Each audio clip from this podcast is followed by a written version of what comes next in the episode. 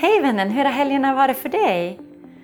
Fick du vila? Har du träffat vänner och släkt och familj sådär lite lagom? Hur gick det med julborden och nyårssupén och allting däremellan? Eh, blev det också lite sådär lagom? Eller spann det iväg bortom kontroll? Lite som vanligt kanske. I sådana fall har Alette och jag ett bootcamp för dig. Vi på Viktdoktorn kommer att gå igenom hur du stoppar en eventuell viktuppgång som pågår just nu. En, en eh, genomgång av hur din vikttermostat fungerar, den här delen av överlevnadshjärnan som faktiskt styr vikten hur, och hur man hanterar den. Vi kommer även att se till att du kan göra en egen plan för hur du kan leva ett hälsosammare liv och nå en hälsosammare vikt som faktiskt passar dig. Alltså individualiserat.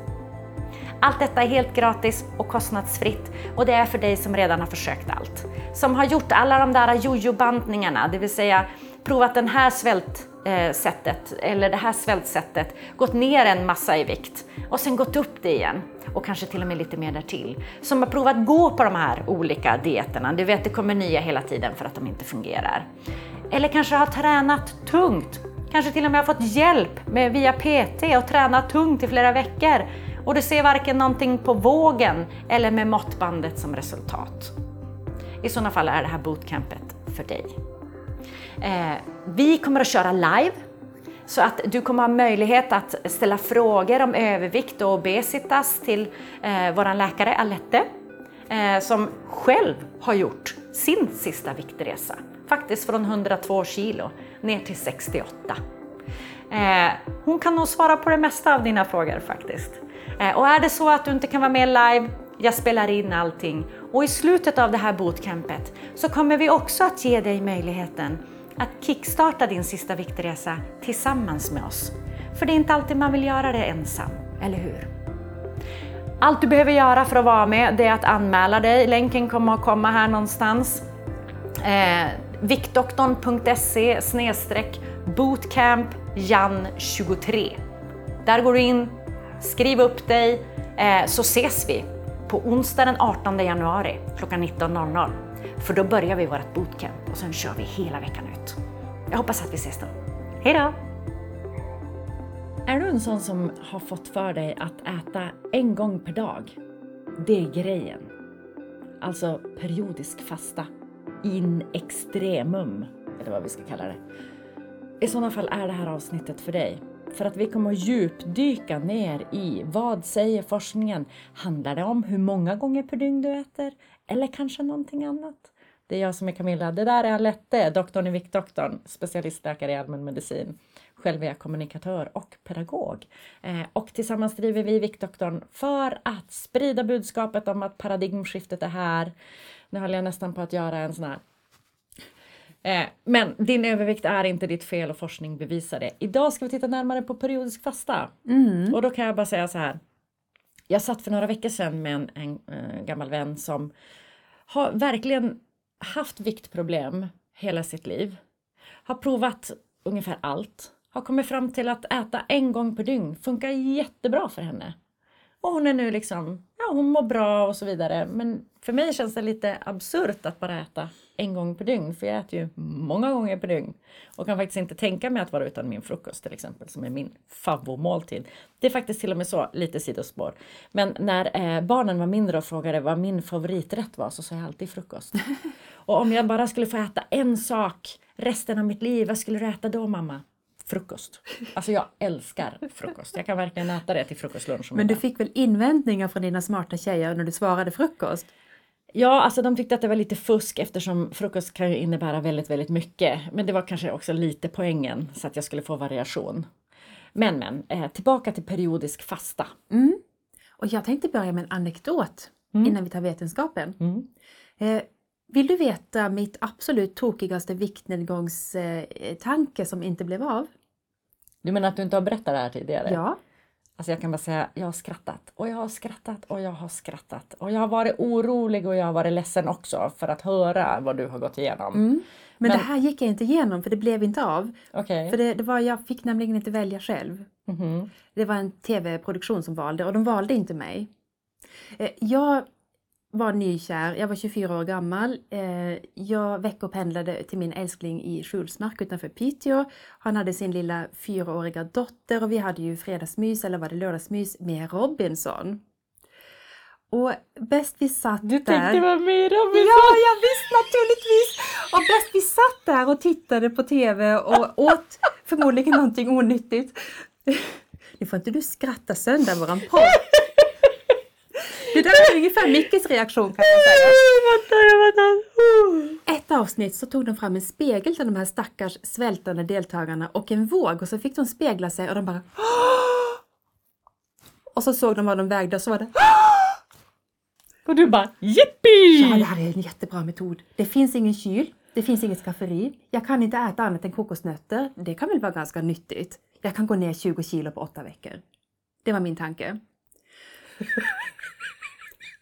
Och min älskling han sa så här, men du är ju inte riktigt klok. Ska du fara dit och gräla med de där människorna och du kommer ju vara jättegrinig när du inte får äta. Och, och jag liksom bara, jag kan gå ner 20 kilo.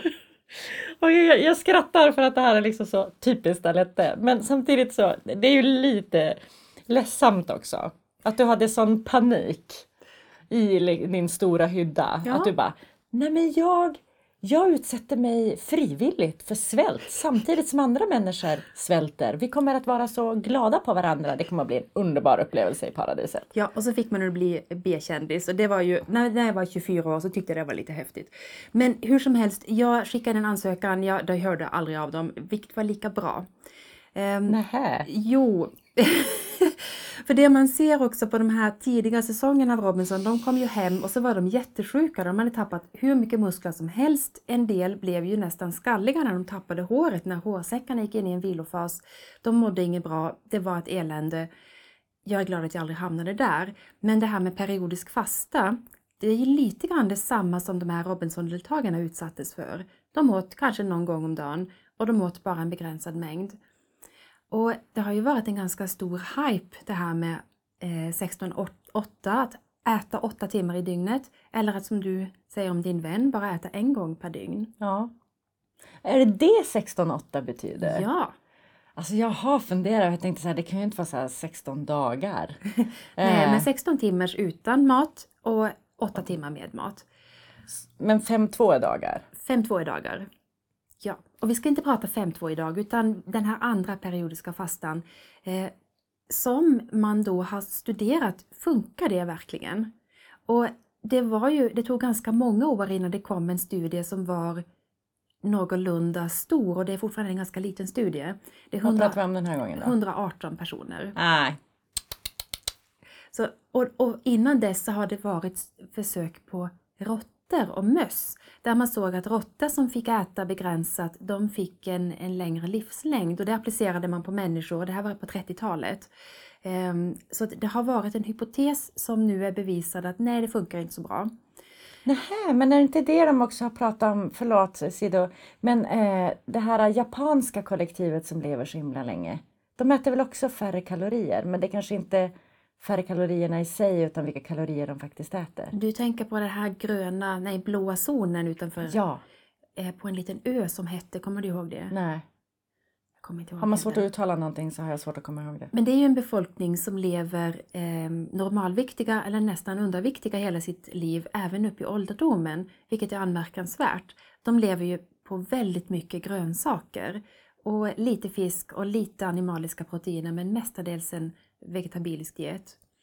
Ehm, Men när man då tittade på de här 118 personerna ehm, och gav dem instruktioner för kvinnor skulle äta 1200 till 1500 kalorier per dag. Ja, det var lite. Ja, det var ganska lite. Och män skulle få cirka 1500 till 1800 kalorier per dag. Och sen så följde man dem i ett helt år. Det gillar jag! Ja, Longitudinell studie. yes. Och man delade upp grupperna i att ät de här kalorierna precis när du vill. Eller ät de här kalorierna under ett åtta timmars långt fönster. Och det var mellan klockan 08 och 16. Inte den version på eh, delfasta som, som innebär att man börjar äta vid lunch och slutar äta på kvällen. Eh, Då jämförde man grupperna och såg att gruppen som fick äta när de ville gick ner på ett år 6,3 kilon. i snitt. Och gruppen som fick äta på sitt ätfönster gick ner cirka 8 kilo. Detta är inte statistiskt signifikant, så det är Nej. slumpen som spelar in att det är en 1,7 kilos skillnad här.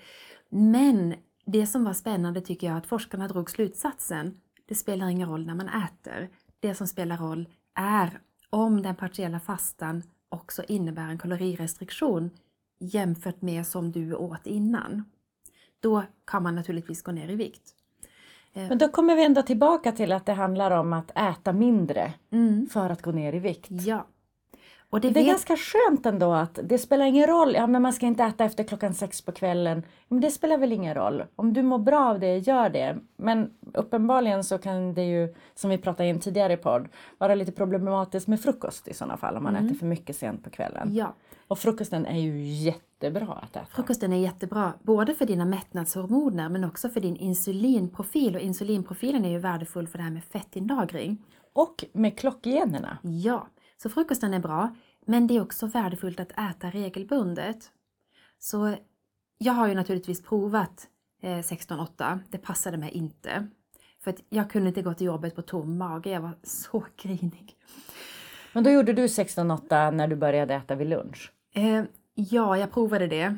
Och sen så provade jag naturligtvis att sluta äta vid 4-5, men det lyckades jag ju inte. För att mina greliner, de här hungerhormonerna som beter sig som små monster, de, Gremlins. de skrek åt mig, men hallå ska du inte äta? Är det Nu äter du. Ja, är det slut mat i världen? Det är inte bra. Mm. Då äter vi upp det som finns, nu! och, och det innebär ju att om du är som jag, det vill säga energieffektiv, har gener för övervikt eller fetma, du kanske inte ska försöka begränsa ätfönstret och det är bättre att du äter lagoma måltider och sprider ut dem över den vakna delen av dygnet.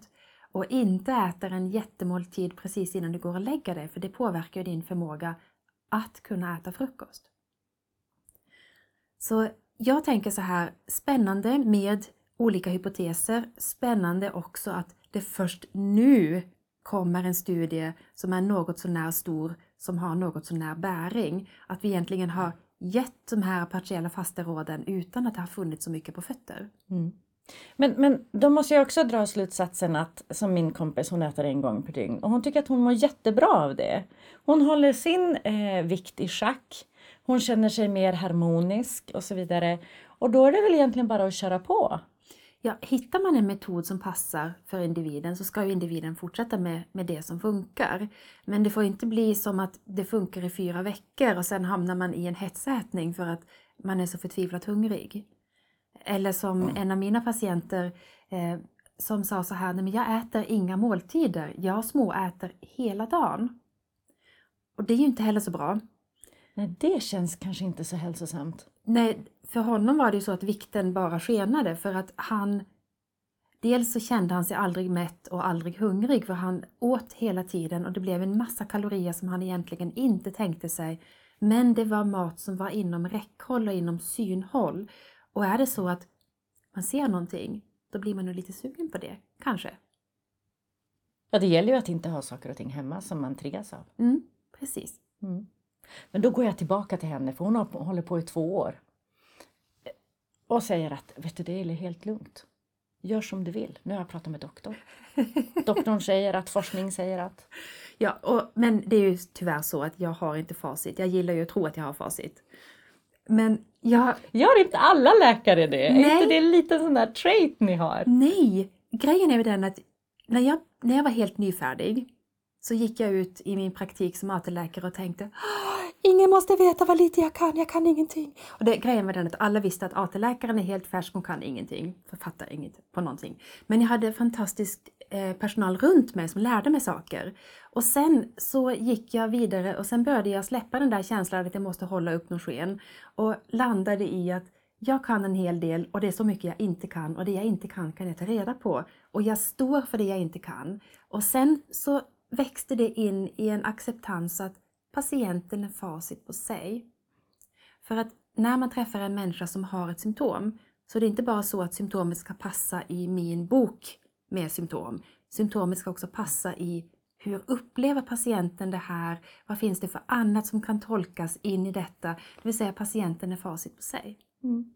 Så att om du håller på med någon slags form av periodisk fasta och du mår bra av det, det känns harmoniskt i din kropp, du har energi, du är inte trött, vilket brukar bli en, en sån sidosymptom om man inte äter och sover och så vidare ordentligt.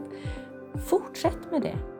Om det funkar för dig, kör på det. Det är det jag hör. Och om det inte funkar för dig, sluta upp med det om, omedelbart. Ja, exakt. Gör någonting annat och då rekommenderar vi alltid regelbundenhet. Ja. Men det är fortfarande kalorier in som räknas. I den här... ehm, Ja men alltså huruvida du sprider ut dem över dygnet eller du äter dem i ett fönster, det spelar inte så stor roll. det spelar ingen roll, men det här med kalorier in, kalorier ut, Nej, jag sa aldrig kalorier ut. bra. Jag sa bara kalorier in. För det är ju, räknestycket kompliceras ju av vår överlevnadshjärna. Ehm, Men det har vi pratat om förr. Ja, det finns massor med poddar om det. Stort tack för den här podden vännen. Stort tack till dig som har tittat eller lyssnat. Vi kommer tillbaka i den här kanalen som du har tittat eller lyssnat på oss i samma tid nästa vecka. Och jag hoppas att vi ses då. Ta hand om dig tills dess. Hej då! Hej då!